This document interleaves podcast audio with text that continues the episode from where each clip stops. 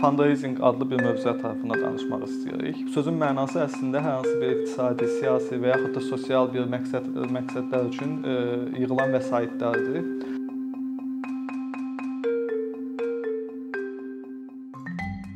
Əslində e, bu bu cür fəaliyyətlər 18-ci əsrdən başlayaraq Avropada, xüsusən də e, Qərbi Avropada aydınlanma dövründə çox populyarlaşmağa başlamışdı və əsasən dini ideyalar ətrafında formalaşmışdı və insanları varlı xüsusən də aristokratlar və varlı insanların hər hansı bir elm tədris sahəsinə və yaxud da mədəniyyət sahəsinə dəstək olması məqsədi ilə yaradılmışdı xeyriyyəçiliyin bu növü.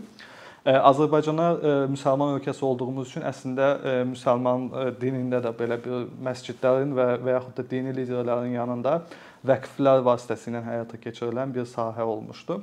Azərbaycan Çar Rusiyasının tərkibində olduğunda da bu fəaliyyətlər çox dərin şəkildə davam eləmişdi. Hətta Çar Rusiyasının özündə 1909-cu ilin məlumatlarına görə 11040 ədəd xeyriyyə cəmiyyəti var idi və bunun 20% əslində müsəlman cəmiyyətləri idi. Bu müsəlman cəmiyyətlərin əlbəttə ki, hamısı Azərbaycan deyildi. Burada eyni zamanda Tataristan, Krım və Azərbaycan kimi ölkələr daha ön plana çıxmışdı. Burada əsasən fəaliyyətlər nədən ibarət idi?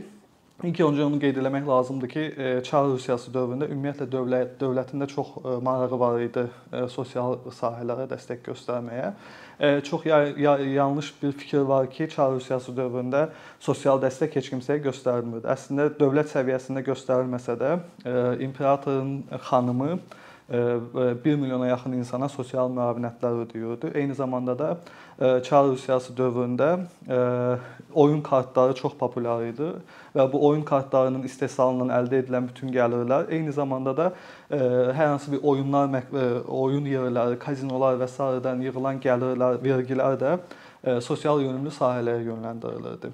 Azərbaycan haqqında ətraflı danışmaq lazımdırsa, Tağıyev, Nağıyev kimi neft milyonçularının Azərbaycan üçün elədiklərini söyləməyimiz yetərli olar məncə. Bu istər mədəni sahədə, istər məktəb sahəsində, istərsə də xaricdə təhsil alan gənclərə sponsorluq sahəsində olan bir fəaliyyətlər idi. Bu fəaliyyətlər əslində necə həyata keçirilirdi?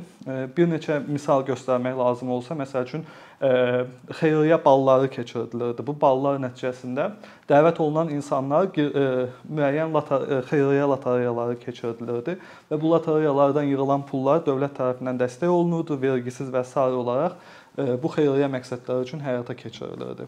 Bundan əlavə olaraq eyni zamanda da vəqflər vasitəsilə də bunlar həyata keçirilirdi və çox maraqlı olan bir fakt bundan ibarətdir ki, məsəl üçün həyat yoldaşları ayrı-ayrılıqda dəstək göstərirdilər. Yəni məsəl üçün bir ailədə bir həyat yoldaşı hər hansı bir mədəni sahəyə dəstək göstərirdisə, digər həyat yoldaşı təhsil sahəsinə və yaxud da gənclərin və yaxud da qızların təhsilinə və yaxud da hər hansı bir xəstəliklə mübarizələrə dəstək göstərirdi.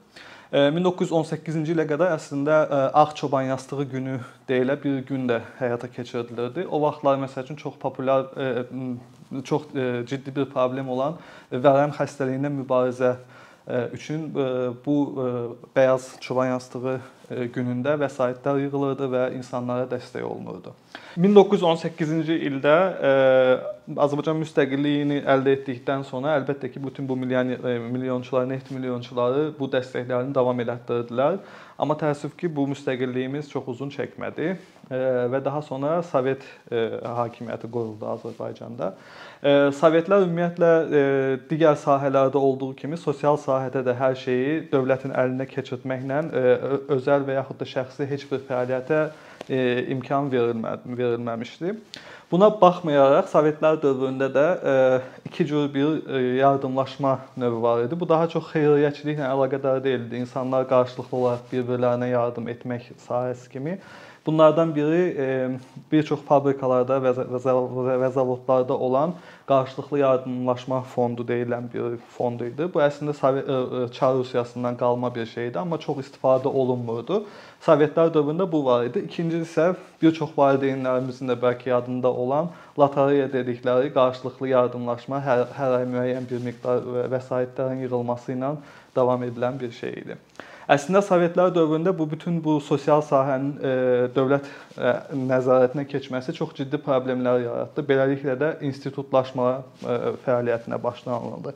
Xüsusən də məsəl üçün əvvəllər əgər ki, xəstə uşaqlara yardım etmək məqsədi ilə hospislər və yaxud da valideyn himayəsinə məhrum olan uşaqlara dəstək məqsədi ilə müəyyən uşaq evləri var idisə, bunlar artıq tamamilə dövlətin nəzdində institutlar halında uşaq evlərinə çevrildi. Eyni şəkildə yaşlı insanlara əvvəllər əgər dəstək olunurdusa, tamamilə qeyri-hökumət təşkilatları və yaxud da fondlar vasitəsilə Çar Rusiyası dövründə bunlar da yenə eyni şəkildə dövlətin tam nəzarətinə keçdi və dövlət nəzdində institutlar formasında fəaliyyətə başladı. Əqli cəhətdən problemləri olan insanlar da eyni şəkildə əgər əvvəllər bunlara dəstək müəyyən biznes sahəsindən və yaxud da sosial sahədən gəlirdisə, bunlar da artıq institutlara keçdi. Və bu institutlar əslində çox ciddi bir problem e, yaradırdı. Çünki istər-istəməz bu institutlarda sosial yönümlü e, fəaliyyətlər e, əvvəlki kimi mümkünatı yox idi onların. Azərbaycan müstəqilliyini qazandıqdan sonra əlbəttə ki, bu sahələrin hamısını Sovetlərdən vəsiyyət olaraq özünə götürdü və müstəqillik dövründə bir çox çabalar bir çox çabalar göstərildi ki, bu institutlar addi institutlaşdırılsın qeyri-hökumət sektoru daha çox dəstək olsun, institut ümumiyyətlə uşaq evlərində uşaqlar qalınmasın, yaşlılar evinə daha çox nəzarət olunsun, sosial sahədə işləyən insanlar, sosial təhsili və təcrübəsi olan insanlar daha çox cəlb olunsun bu sahələrə. Bu yöndə ciddi addımlar atılsa da, hələ də bir çox təfəkkür olaraq cəmiyyətdə bir bir çox ciddi yanlış anlaşılmalar mövcuddur. Qısaca olaraq fundraisingin növləri haqqında da danışmaq istəyərdim. Fundraisinqi ümumi çox ümumi şəkildə əgər desək, 3 növünü göstərmək olar. Birincisi fərdi fundraising sahəsi. Bu daha çox fərdi insanların müəyyən seçdikləri qeyri-hökumət təşkilatları və yaxud da ictimai birliklərə aylıq və yaxud da mövsümi və yaxud da sadəcə bir dəfə iyanələr etməsindən ibarət olan sahədir. İkinci sahəsi fundraisingin korporativ fundraising dediyimiz sahədir. Korporativ fundraising daha çox e, korporativ sosial məsuliyyətlə əlaqələndirilərək e, biznes sahəsinin müəyyən təşkilatlara və yaxud da ictimai birliklərə göstərdikləri dəstəkdir. Üçüncüsü isə dövlət e, və yaxud da e, dövlətlər üstü e, maliyyə dəstəyi. Burada daha çox bir çox nazirliklər və yaxud da beynəlxalq təşkilatların uzun müddətli sosial dəyişikliklər yönündə göstərdikləri fəaliyyətləri nəzərdə tutmaq olar.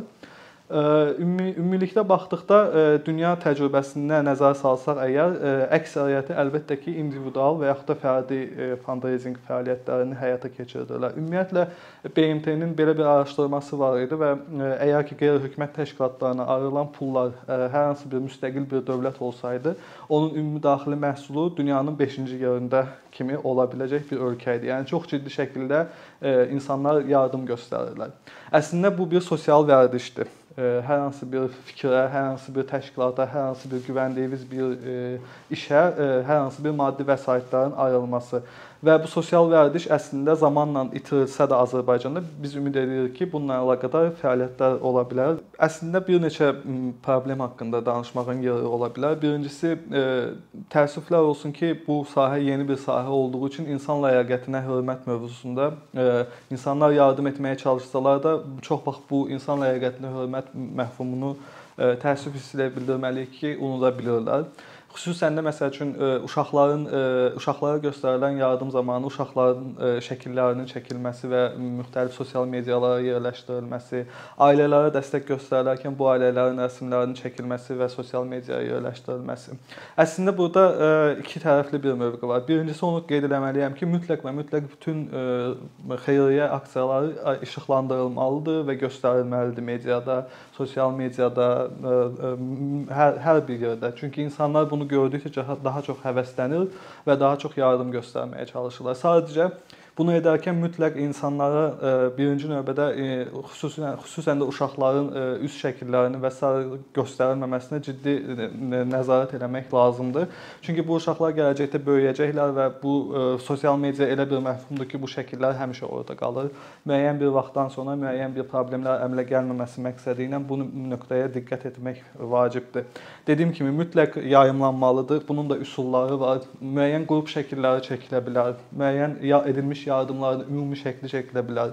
Azərbaycanın fundraising sahəsində ikinci ən böyük problem isə mən şəxsən müəyyən edilə bilən qurban effekti haqqında danışmaq istəyərdim. Bu effekt psixoloji bir effektdir və insanlar e, dəstək e, edə bilmələri üçün e, çox vaxt dələduzlar tərəfindən istifadə olunan bir effekti. Bu nəyi göstərir? Sizin ianə edə bilməyinizi təşviq etmək məqsədi ilə ürək yandırıcı şəkillərdən istifadə olunması və yaxud da xəstəlik adları ilə müxtəlif sosial media sahələrində sizə müraciətlər olunması. Bununla əlaqədar çox diqqətli olmaq lazımdır və əslində bunun üçün də qeyri-hökumət təşkilatlarına və ictimai birliklərə ianə etmək çox vacibdir. Bunu nəyə görə söylüyoruz biz? Çünki əslində siz qeyri-hökumət təşkilatı və yaxud da ictimai birliyə ianə etdiyində bu bu təşkilatlar sizin üçün bank kimi çıxış eləmirlər. Bunlar bu təşkilatlar əslində öz professional işçiləri ilə nöqtə atışı ataraq daha düzgün yardım göstərməyə çalışırlar. Yəni bu yardımı göstərərkən də e, hər hansı bir fiziki bir şəxsə, bir kişi, bir insana pul ödəmək əvəzinə qeyri-hökumət təşkilatına ödəndiyində e, professional bir təşkilata, professional bir işçilərə dəstək etmiş olursunuz və onlar da e, daha düzgün və daha məqsədyönlü və daha ünvanlı yardım göstərmiş olurlar. Bununla əlaqədar əslində mənim bir neçə tövsiyəm də olacaqdı son olaraq. Ümumiyyətlə Azərbaycanda sadəcə Azərbaycanda deyil, hər yerdə ianə etmək üçün təşkilat və yaxud da ictimai birliyi necə düzgün seçmək lazımdır. Bu da çox vacib məsələdir. Burada ilk olaraq onu söyləməliyəm ki, bütün ictimai birliklər və qeyri-hökumət təşkilatlarının illik hesabatları olur. Mütləq bu illik hesabatları tələb edə bilərsiniz. Eyni zamanda e, audit hesabatları və maliyyə hesabatları olur. Bu hesabatları da tələb edərək və inanın ki, bütün qeyri-hökumət təşkilatları, professional qeyri-hökumət təşkilatları bu məlumatları e, heç bir şəkildə gizlətmədən açıq-aydın sizlərlə paylaşa bilərlər. Eyni zamanda e, Azərbaycan kimi ölkə olduğum, kiçik bir ölkə olduğumuz üçün yaxın dost tanışlarımızdan da hər hansı bir qeyri-hökumət təşkilatına necə dəstək edilməsi haqqında məlumatlar soruşa bilərsiniz, tövsiyələr ala bilərsiniz. Bundan əlavə olaraq da onu qeyd edeyim ki, sosial media artıq həyatımızın bir parçasıdır və demək olar ki, bütün qeyri-hökumət təşkilatlarının sosial media səhifələri var və ora müraciət edərək əlavə məlumatlar ala bilərsiniz və sizə necə məlumat verdiklərini nəzərə alaraq sizə uyğun olub olmadığına qərar verə bilərsiniz. Son olaraq onu qeyd edim ki, ianə etmək ilk hissədə söylədiyim kimi sosial bir vərdişdir. Ona görə hər birinizi, hər bir izləyicimizi bu sosial vərdişə dəvət edirəm. Ayda sadəcə 3 manat ianə etməklə istədiyiniz sahə bu sosial sahə ola bilər, uşaqlara dəstək ola bilər, təbiəti mühafizə ola bilər, mədəniyyət sahəsi ola bilər. Bir çox qeyri-hökumət təşkilatları var və ayda sadəcə 3 manat ödəməklə çox ciddi bir fərq yarada bilərsiniz. Bu bu sadəcə bir insanla olmur əlbəttə ki, amma onu yadda saxlamaq lazımdır ki, bu sosial vərdişi nə qədər çox insana aşılamış olsaq, bu gün 1 nəfər, sabah 10, o birisi gün 100 və daha sonrakı gün 1000 nəfər olacaq şəkildə və bu 3 manatlar artıq 3 manat yox, 3000 manatlar, 30 min manatlar kimi sosial sahədə dəstək göstərmiş olacaqlar. Son olaraq hər bir izləyicimizi bu videonu bəyənməyi, sosial media səhifələrində paylaşmağı və dostlarını, yaxın ətrafındakı insanları bu xeyirxah missiyaya dəstək olmağa çağırırıq.